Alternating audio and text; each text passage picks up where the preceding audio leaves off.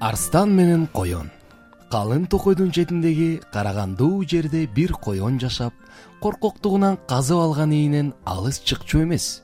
Бир күнү коркуп үйүндө жата берип кантип күн көрөм? Атасынан көрө баатыр болоюн деп ойлоду да. Ошол замат ийинден чыкты.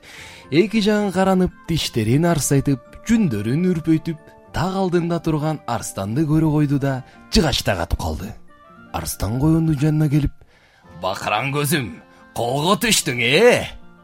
Эми сени жейин! деп тиштерин кычыратты. Коен эсин жыйып кантип кутулушту аргасын издеди.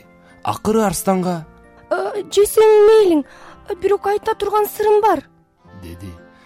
Анда тезирээк айт!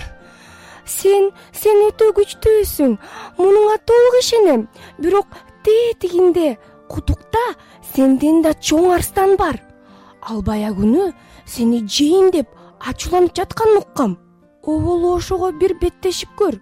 Күчүңдү көзүм көрүп калсын. Мени анан жебейсиңби эч кайда качпайм. Сырттанам арстан чындап ачууланып кана кайсыл жерде? Ээрчитип баргын! деп буйрук кылды. Коен арстанды терең кудукка ээрчитип барып ушул кудукта өзүң карап көр. Деди. Арстан кудукту карап өзүнүн сөлөкөтүн көрдү да мен ушундан кантип кем калайын? Күч сынашат э? Кана кармашып көрөлү! Деп кудукка куюндап кирди. Сууга барып шалп эткенде гана өлөөрүн билди. Ошентип коен амал менен арстанды өлтүрүп аныкма коо тура! Деп секирип жолго түштү. Кичинекей бөбөктөр силерге жомокту нон стоп дуэти айтып берди